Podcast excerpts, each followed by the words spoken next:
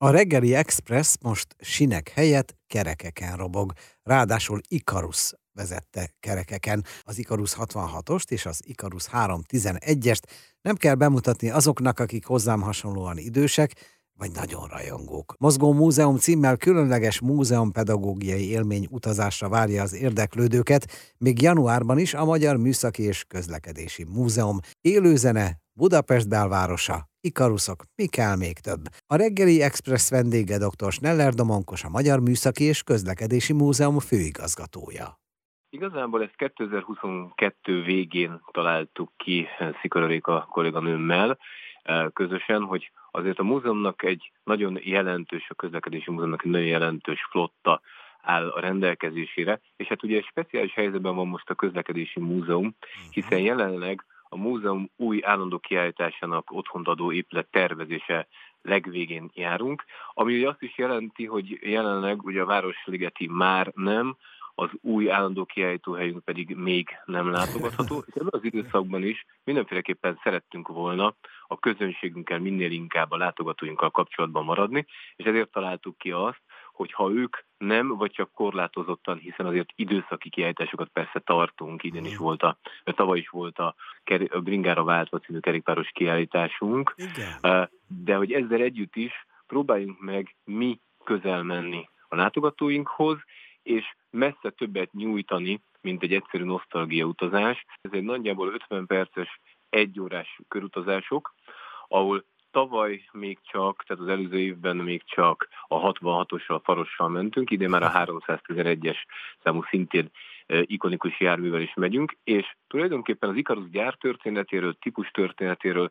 és az adott korszaknak a történetéről is adunk át információkat a látogatóinknak, és azok a visszajelzések, hogy egyébként ezt nagyon értékelik, és, és kifejezetten vevők rá, hiszen az előző évben gyakorlatilag két nap alatt fogyott el az összes jegy a járatainkra. Bizony. Idén, és most tartunk 93%-át értékesítettük már a jegyeknek az összes jegynek, és ami érdekes, hogy van egy olyan programunk is, ami abszolút egyedülálló kezdeményezés az országban, ilyen még nem volt, mhm. ez a zenélő busz, amelyik oh. azt jelenti, hogy élő zenét is adunk, tehát a típus történet, gyártörténet mellett zenekar, zenekarok, meglepetés zenekarok játszanak ezeken a járatokon. Ezek speciális járatok, kicsit magasabb az árkategóriák, tehát több pénzbe kerül a, a, a belépőjegy, de érdekes módon ezek keltek el a leghamarabb, tehát ez megint olyan volt, hogy egy-két napon belül már nem lehetett rá venni. A mozgómuzeum.hu weboldalon minden elérhető és utána követhető.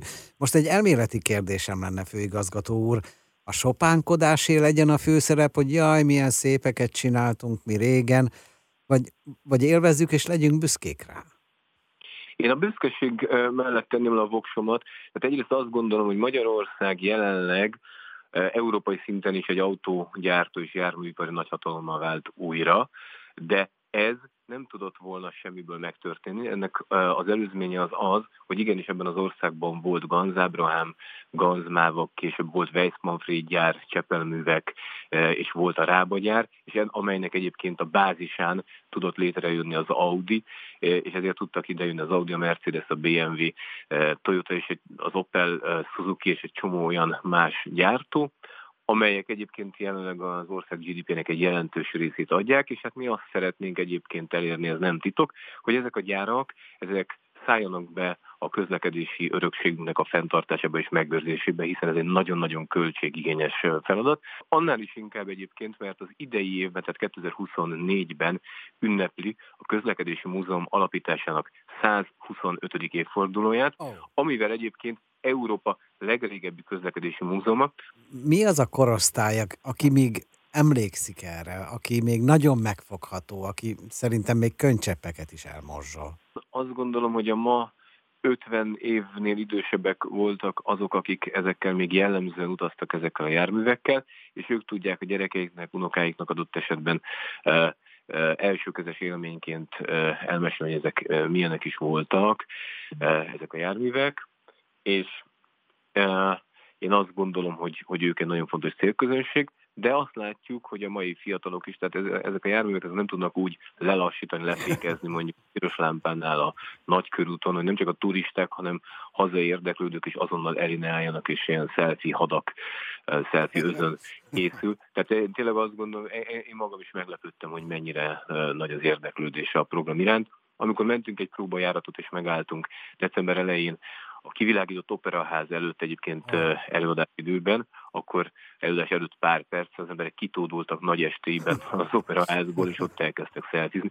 Tehát ezek egészen olyan élmények, amelyek még számomra is hátborzongatók, egy picit, és lúlbörös lesz tőle a hátam, hogyha ez meglátom. Ez tényleg elméleti kérdés, de mi ma a közlekedés?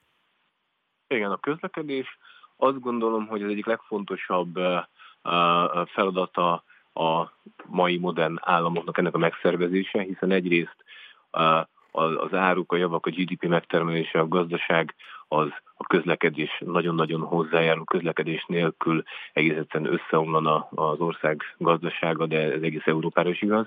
Másrészt pedig szabadidős célra is sokkal többet mozognak az emberek, mint mondjuk 50 évvel ezelőtt, tehát többet utaznak belföldre és külföldre is, tehát én azt gondolom, hogy a közlekedés az egy ország megszervezésének, egy társadalom megszervezésének az egyik központi eleme.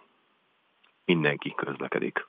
Igazából most pöfögnöm kellene, de minden esetre azt mondtam, hogy köszönöm dr. Sneller Domonkosnak, a Magyar Műszaki és Közlekedési Múzeum főigazgatójának, hogy minket és önöket is invitálta a Mozgó Múzeum Ikarusszal Budapesten programokra.